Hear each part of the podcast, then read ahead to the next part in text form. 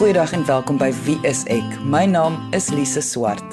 Vandag gaan ons na twee briewe van luisteraars kyk. Ek wil net almal herinner dat alle briewe op Wie is ek anoniem bly en dat van die besonderhede selfs verander word om die identiteit van die skrywer te beskerm.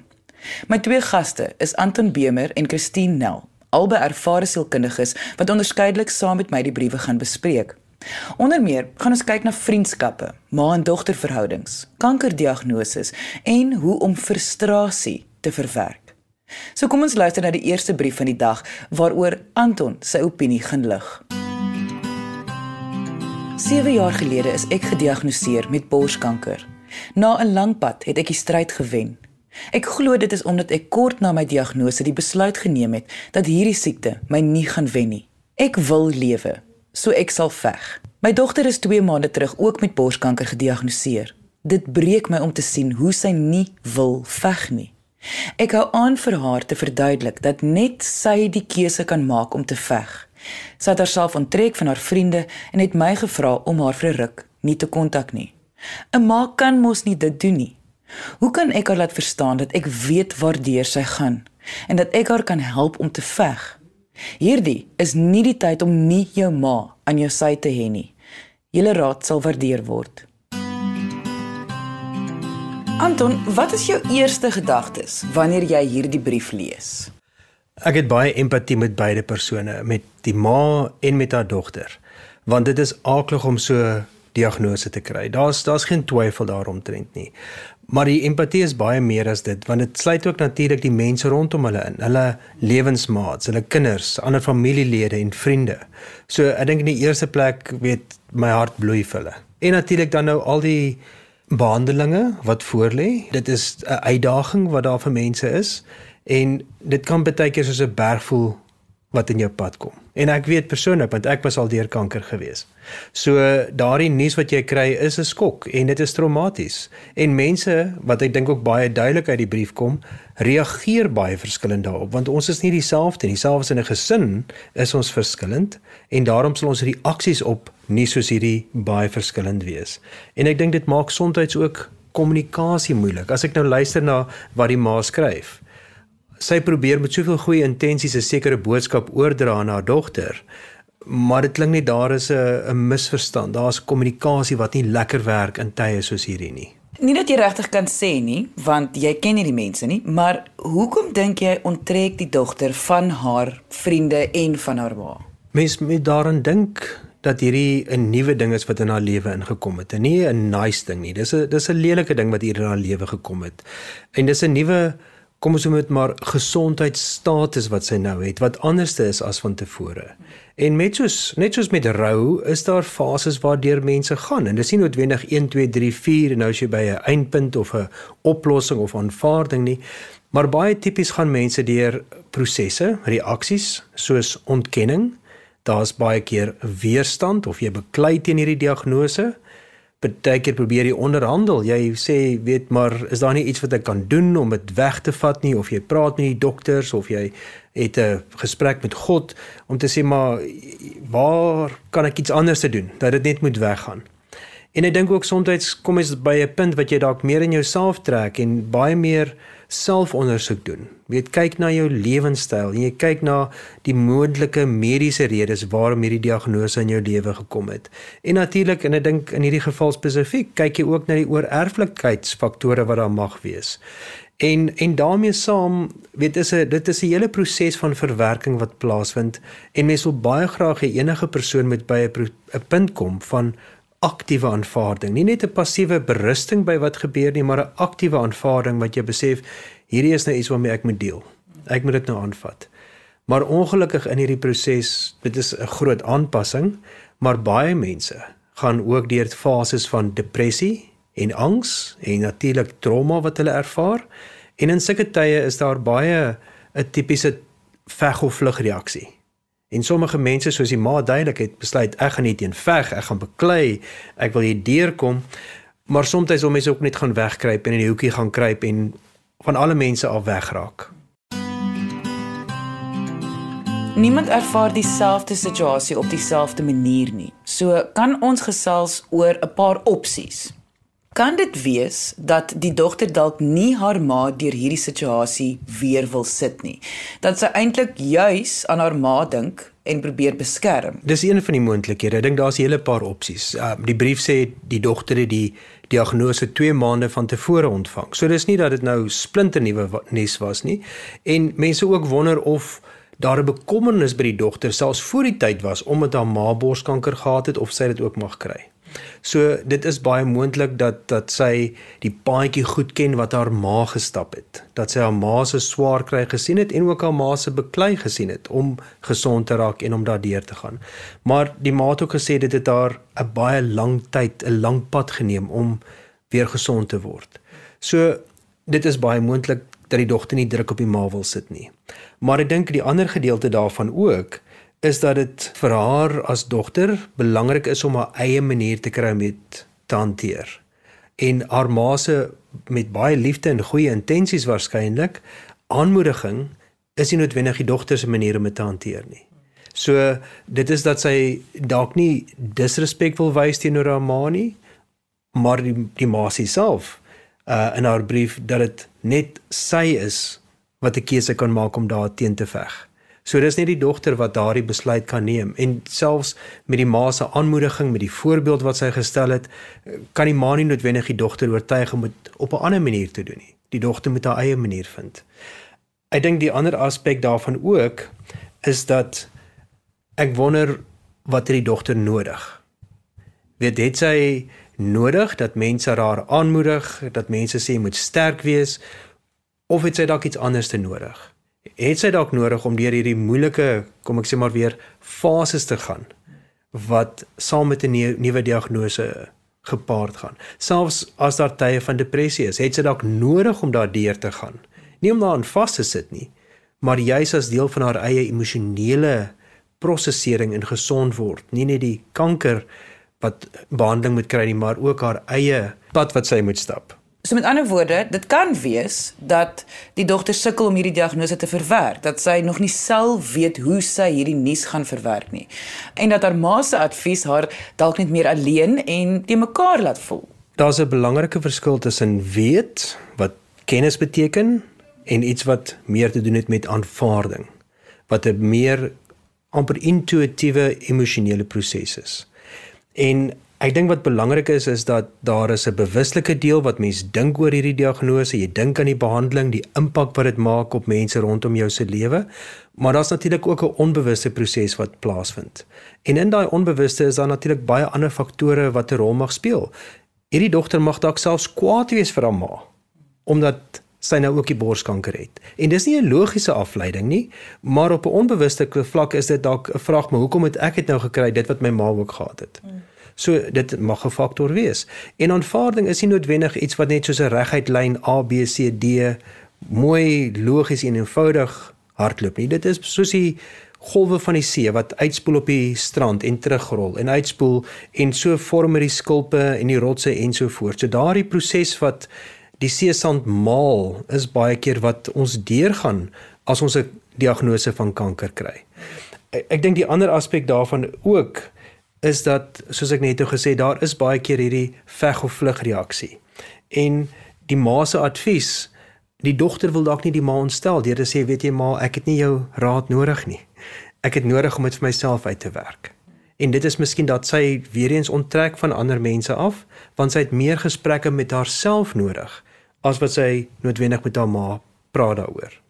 En ek weet in my eie lewe was dit vir my nodig geweest om baie keer tyd op my eie te spandeer, om in die bos te gaan hardloop of met die honde te gaan stap, net in terme van my eie gedagtes en my eie emosies agter mekaar te kry. Wat maak ek met hierdie kankerdiagnose?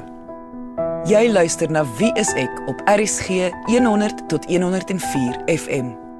Die dogter wat haarself onttrek, voel wel vir my so so 'n bietjie van 'n probleem want die ma is heeltemal reg dat hierdie Alhoewel mense sal verkies om alleen te wees, is nie die beste tyd om ondersteuning weg te stoot nie. Ek is 'n groot voorstander van ondersteuning, ondersteuningsgroepe ensovoorts.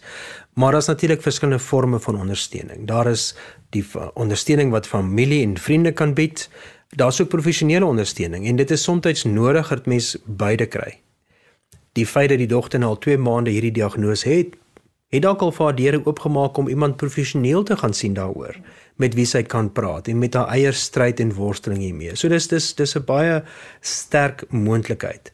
Ek dink ook die ander aspek daarvan in terme van ondersteuning is soms net om 'n boodskap vir so 'n persoon te stuur om te sê jy is nie alleen nie.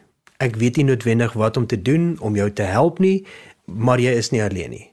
So dit mag dalk ook wees dat die ma moet kyk na ander opsies hoe om haar dogter te ondersteun. Mens kan nie 'n perske ryp druk nie. As jy daar by die winkel instap en almal druk so in die avokado pere, weet later wil niemand meer 'n ou wou koop nie want hy's nou ryp gedruk. So dieselfde is dit in hierdie geval dat dat jy nie noodwendig iemand kan forceer om by 'n punt te kom om ondersteuning te kry of ander hulp te kry nie, want hulle moet eers 'n paar dinge vir hulle self uitmaak. En ek dink daarom is dit so belangrik om hierdie tye wat die dogter dalk moeilike tye ervaar, die ma dalk net vir haar op WhatsApp 'n sonneblom stuur. Net 'n hartjie stuur. Iets wat net vir die dogter sê ek is hier.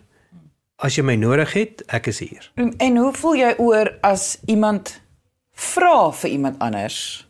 Hoe hoe sou jy verkies moet ek jou ondersteun in hierdie tyd? Ek dink dit is waarop dit neerkom vir my.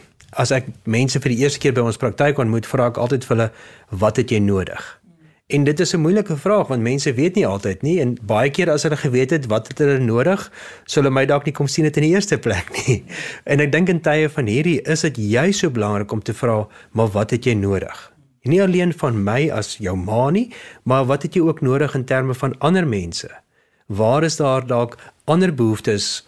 Miskien kan ek jou help met party van hulle, Miskien kan ek vir jou 'n rigting aanwys in terme van mense wat my gehelp het of waar ek inligting gekry het, maar ek dink dit is daardie belangrike vraag: is daar iets waarmee ek kan help? Indien nie, weet net ek is hier. Ek sal nog steeds 'n safety net vir jou wees, soos jy dit benodig. En ek dink ook die respek te hê wanneer die persoon vir jou dan antwoord en sê hoe hulle dit wil hê of jy daarmee saamstem of nie. Daai respek sou ek aanneem is seker ook belangrik. Absoluut, dit is. En ek dink die feit is net soos ons nou in die brief gesien het, hierdie is bloedfamilie van mekaar. Maar hulle is verskillende mense. Hulle het hulle verskillende persoonlikhede, hulle verskillende maniere van dinge doen en dis oukei. Okay. Hulle elkeen het hulle eie storie wat hulle loop met kanker. En ons stories verskil nog steeds van ons al het ons elkeen hierdie label wat ons dra waarop staan kanker van een of ander aard. Maar ons almal volg nie dieselfde gameplan nie en dis oukei. Okay. Ons het almal verskillende maniere hoe ons hierdie ding aanpak en so goed as wat ons kan die die fisiese gedeelte maar ook die emosionele gedeelte probeer oorkom. Dit is 'n baie bedreigende diagnose want dit trotseer ons met ons eie menslikheid. Ons besef skielik ons gaan dalk nie vir altyd lewe nie.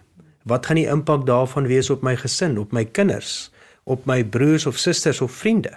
En en dit is 'n baie baie groot eksistensiële ding wat ons moet in die oë kyk. Wat ek dink wat baie moeilik dan is is dat mense het soms net daai isolasie nodig. Al voel jy moedeloos, magteloos of depressief.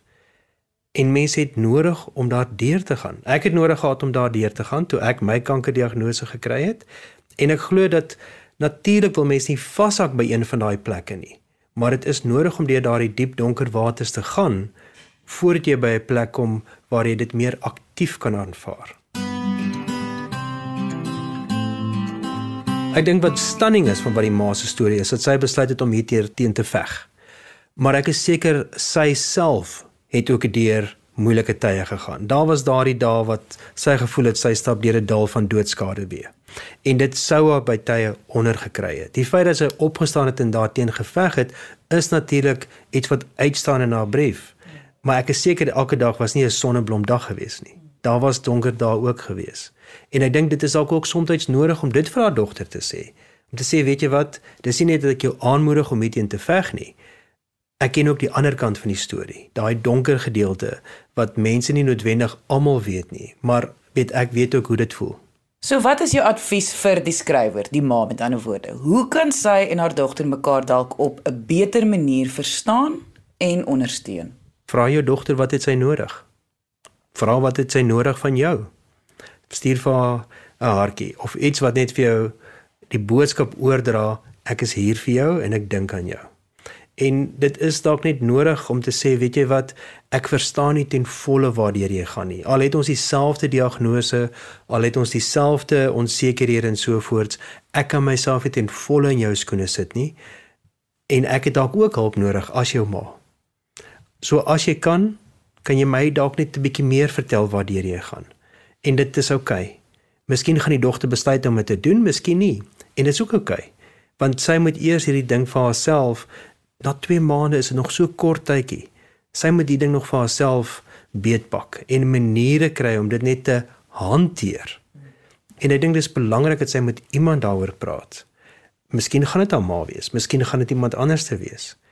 Dit is net belangrik om te sê, weet jy, ek is nog nie reg om hieroor te praat nie van die dogter se kant af, maar miskien later. En vir die ma se kant af om te sê, my kind, ek respekteer dit, maar weet ek is hier vir jou. Indien jy meer wil weet oor Anton Bemer, kan jy via die Wie is ek webtuiste meer gaan lees oor hom. Gaan na wieisek.co.za. Kom ons beweeg aan na die volgende brief waaroor Christine haar opinie gaan lig. Ek het 'n vriend wat nou in sy laat 40's is, maar hy het onlangs aan my gebieg dat hy 'n affair het met een van sy mede-kollegas. Sy is aansienlik jonger as hy met 'n jong kind. Sy kinders is al amper uit die skool uit. Hy wou my advies hê oor egskeiding, maar ek, wat deur 'n soortgelyke situasie was, kry nie 'n manier om aan hom te verduidelik dat dit die verkeerde keuse is nie. Ek is daagliks spyt dat ek my familie verloor het. Hy maak dieselfde fout, maar hy hou aan om te sê dat hy lief is vir hierdie kollega en dat hy weet wat hy doen. Hoe kan ek hom laat sien Hy maak die grootste fout van sy lewe. Christine, wat is jou eerste gedagtes wanneer jy hierdie brief lees? Dit staan vir my uit dat die die skrywer van die brief se vriendskap is met hierdie persoon is vir hom baie belangrik. En ek kan verstaan dat dit dan baie moeilik is om om 'n gelaaide onderwerp te bespreek want nou mense is onseker oor die oor die grense in die verhouding wat wat al vir mekaar gesê is en daar's baie emosies wat daarmee gepaard gaan. So ek dink dit is baie goed dat hy sy tyd vat en rustig is en vir iemand raad vra oor, oor hoe hy die situasie moet benader. Dit klink vir my die vriend gaan dalk deur 'n middeljare krisis. Kan jy dalk net verduidelik wat 'n middeljare krisis is en hoekom doen mense sulke vreemde goed gedurende hierdie lewensfase? 'n Middeljaarkrisis is 'n oorgangsfase in 'n mens se lewe. Um, en by baie mense is daar groot emosies van ontnugtering of teleurgesteldheid, drome wat nie waar geword het nie. Daar ontwikkel baie keer 'n krapperigheid of 'n angstigheid oor die volgende fase in my lewe. Ek raak nou ouer, dinge wat ek dalk nooit weer sal kan ervaar nie. En dan ontwikkel mense baie keer of hulle soek na 'n way out 'n manier om te kompenseer vir hierdie gevoelens of 'n manier om dit dit wat hulle dalk gevoel het hulle verloor het of nie weer kan ervaar nie weer op te kikker en weer op te helder. En by baie mense kan dit lei tot depressie, maar daar is ook baie mense by wie dit kan lei tot baie groei en eintlik 'n positiewe ervaring kan wees. So baie mense sal dan snaakse dinge doen wat hulle nooit van tevore gedoen het nie. Hulle sal byvoorbeeld 'n sportmotor koop. Dis maar die, die algemene stigma wat ons al aandink met 'n middeljaarkrisis. Of hulle sal verskriklik begin oefen of hulle kan 'n nuwe studierigting inslaan. En dit is eintlik nie so algemeen om 'n buiteegtelike verhouding in um, te koppel aan 'n middeljaarkrisis nie, maar dit gebeur tog. Jy luister na Wie is ek op RSG 100 tot 104 FM. Omdat die skrywer deur dieselfde situasie gegaan het en hy spyt is, beteken dit die vriend maak dieselfde fout.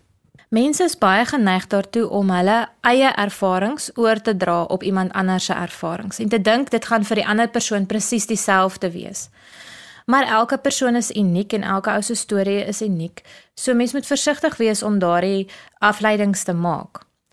Maar wat ons meestal in die praktyk sien, is dat dit tog maar 'n herhaling is van probleme wanneer iemand een verhouding verruil vir 'n ander, soos wanneer iemand 'n buiteegtelike verhouding het. In baie gevalle is dit is daar sekere uitdagings in die huwelik en omdat dit moeilik is om daaraan te werk en daar kom dalk 'n ander geleentheid wat meer aanloklik lyk verby, is iemand dalk meer uh, genee daartoe om te gaan vir die makliker en meer opwindende opsie eerder as die harde werk.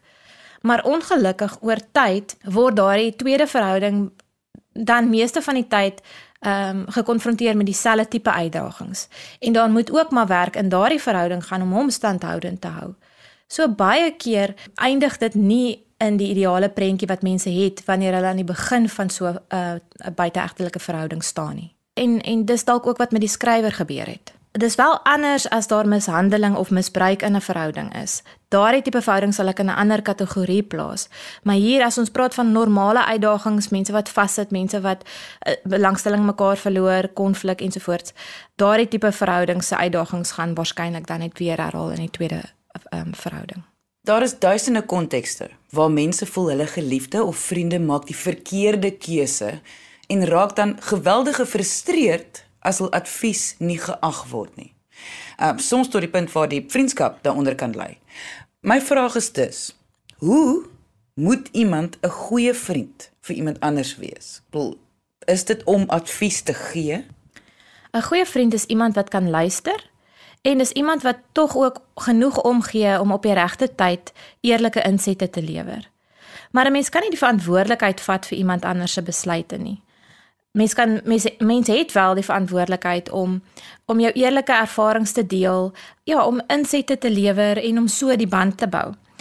Maar wanneer 'n mens bekommerd is oor iemand se gedrag, is daar 'n paar dinge wat 'n mens moet in ag neem.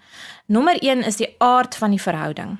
'n Mens het baie keer vriende wat uh, met wie mense sekere dinge deel, mense wat nader aan 'n mens is, mense wat verder aan iemand is. En as 'n mens nie 'n tipe van 'n hegte verhouding het nie, moet 'n mens maar baie versigtig wees om net 'n oordeel te vel oor iemand se gedrag.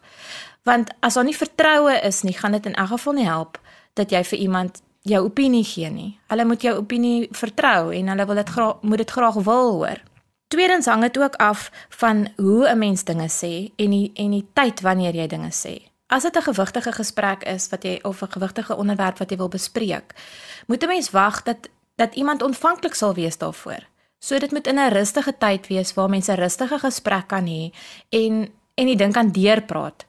Omdat daar so baie emosie is, baie keer aan gewigtige um, onderwerpe, word die bom baie keer net so gegooi en dan beweeg mense aan en dit maak dan kan dan baie skade maak. So die konteks is ontsettend belangrik. En dan die die rede hoekom 'n mens bekommerd is, is ook belangrik. Die gesindheid van van 'n mens se hart gaan oorkom in die manier wat jy met iemand praat. So as jy kom uit veroordeling uit en uit krities uh, uit 'n kritiese benadering uit, gaan jy iemand afskrik. Maar as jou motivering is dat jy is bekommerd oor jou vriend en jy wil graag net die beste vir hom hê en hom help om ondersteun om goeie besluite te maak, dan gaan 'n mens ook dit dit gaan ook oorkom in die manier wat jy die dinge sê dan is dan laastens is dit belangrik hoe 'n mens die dinge sê. Hoe wat se woorde jy kies. En 'n mens kan tog praat uit die skrywer in hierdie brief kan praat uit sy persoonlike ervarings. Wat vir hom maklik was, wat vir hom moeilik was, sy emosionele ervaring van die situasie kan hy bespreek. Hy kan bespreek wanneer hy spyt geraak het oor dinge en wanneer hy gevoel het hy maak 'n fout en hy kan dit praat oor wat hy voel hy verloor het. Maar op die ou end bly dit tog die skrywer se vriend se keuse wat hy gaan maak met daardie inligting. En 'n mens kan nie die verantwoordelikheid vat van daai ou se keuses en gedrag nie. Mens moet moet dan ook respekteer wat die persoon besluit om te doen met wat jy gesê het. So wederwysige respek sal ek sê is 'n belangrike element en wanneer hy dan met die die vriend praat om ook die die vriend se reg tot keuse te respekteer in die situasie.